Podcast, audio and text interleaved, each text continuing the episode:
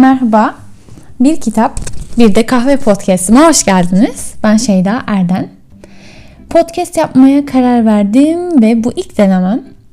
E, deneyerek öğreneceğim ve söz ilerleyen kayıtlarda daha iyi olacağım. Peki ben kimim?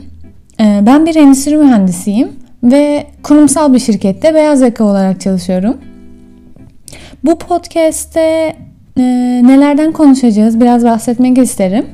E, genel olarak okuduğum kitaplardan ve deneyimlediğim kahvelerden, e, belki hayallerimizden, biraz farkındalık, e, biraz psikoloji gibi konulardan bahsetmek istiyorum. Peki neden buradayım? Çünkü ben sevdiğim, beğendiğim, beğenmediğim şeyleri etrafımdakilerle paylaşmayı çok seviyorum. Ve dedim ki bunu neden daha fazla insanla paylaşmayayım? Bugün size bahsetmek istediğim kitap e, Yeşim Türköz'ün bir kitabı. Büyü Dükkanı e, ismi. Bu kitabı aslında 2019'un sonunda okudum ve şu ana kadar ondan fazla arkadaşıma hediye ettim. E, arka kapağında şöyle diyor kitabın.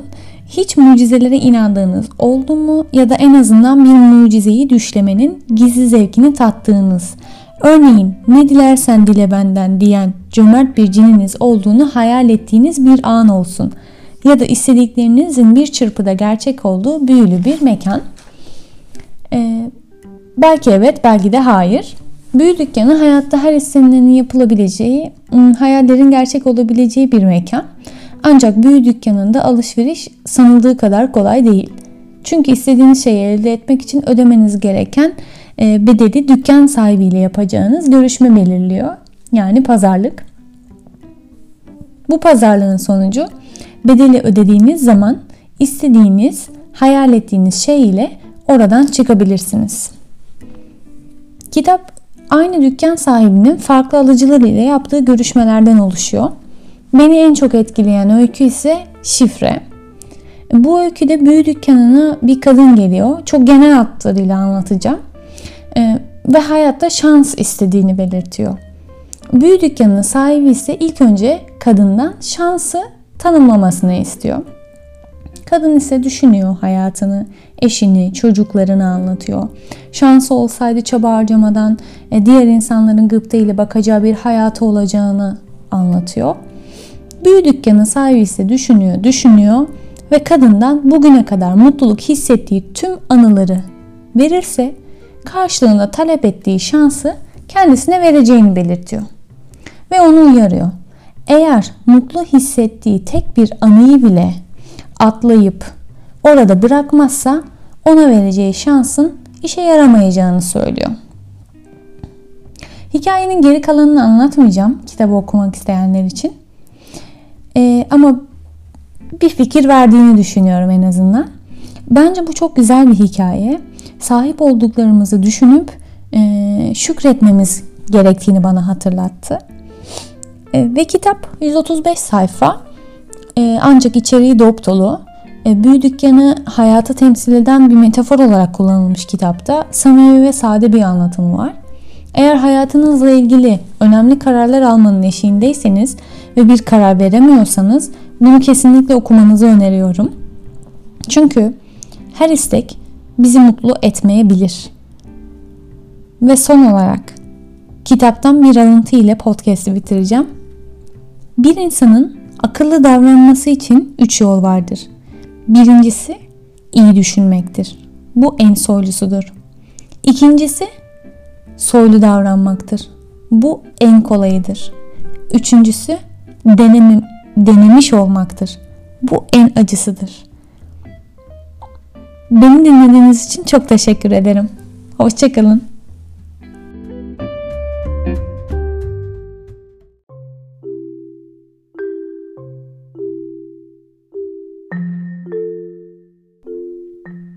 Merhaba arkadaşlar. İkinci podcast'ime hoş geldiniz. Bugün sizlere biraz kahveden bahsedeceğim. Endonezya kahve üretiminde dünyada dördüncü sırada. Dünyanın en pahalı kahvesi olan Luwak kahvesi ya da Kopi Luwak sadece pahalı değil, ayrıca en az üretilen kahve.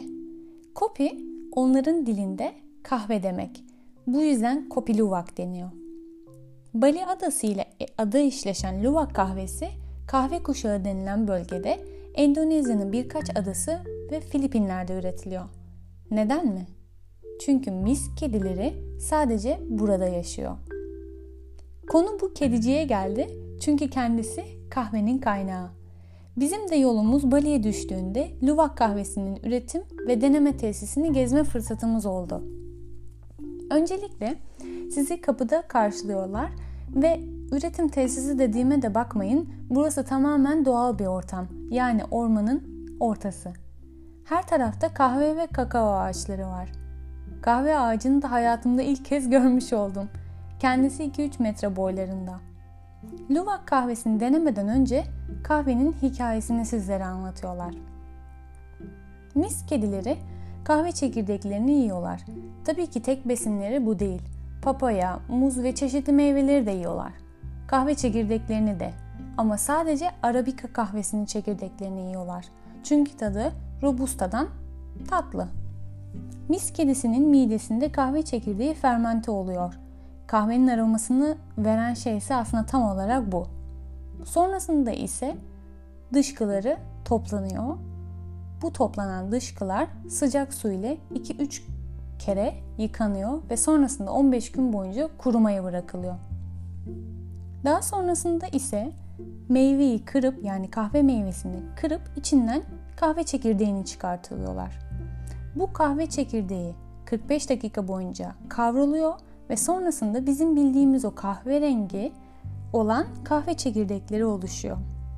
En son olaraksa öğütme işlemi var. Şimdi geldik deneme aşamasına. Tesiste önümüze 8 çay ve 6 çeşit kahve geldi.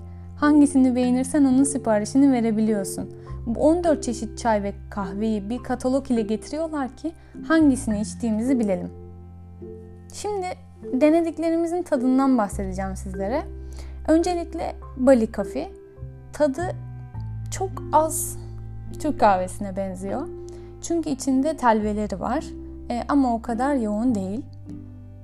E, Hindistan cevizi kahvesi. Bu kahve Hindistan cevizi sütünden yapılıyormuş. Rengi de koyu filtre kahverengi gibi değil de sütlü kahve gibi açık renk. Benim en çok beğendiklerimden birisi bu oldu. Ayrıca bu kahvenin yaşlanma karşıtı özelliği de varmış. Ben bunu bilmiyordum.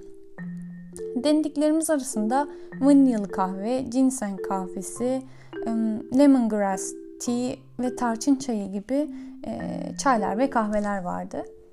Peki merak edilen nokta. Luwak kahvesinin tadı nasıldı? Kokusu baya güzel ve yumuşak bir tadı vardı. Belirtmeliyim ki bu konuda ben aslında bilir kişi değilim. Ee, ancak ben tadını beğendim. Gittiğimiz tesisin adını hatırlamıyorum ancak ortam çok güzeldi. Sadece Luwak kahvesi içmek için değil, değişik kahve ağaçlarını ve aynı zamanda vanilya ve tarçın ağaçlarını görmek çok etkileyiciydi. Yani tam bir deneysel tur. Son olarak bu tattığınız kahve ve çayların satıldığı alanlar var.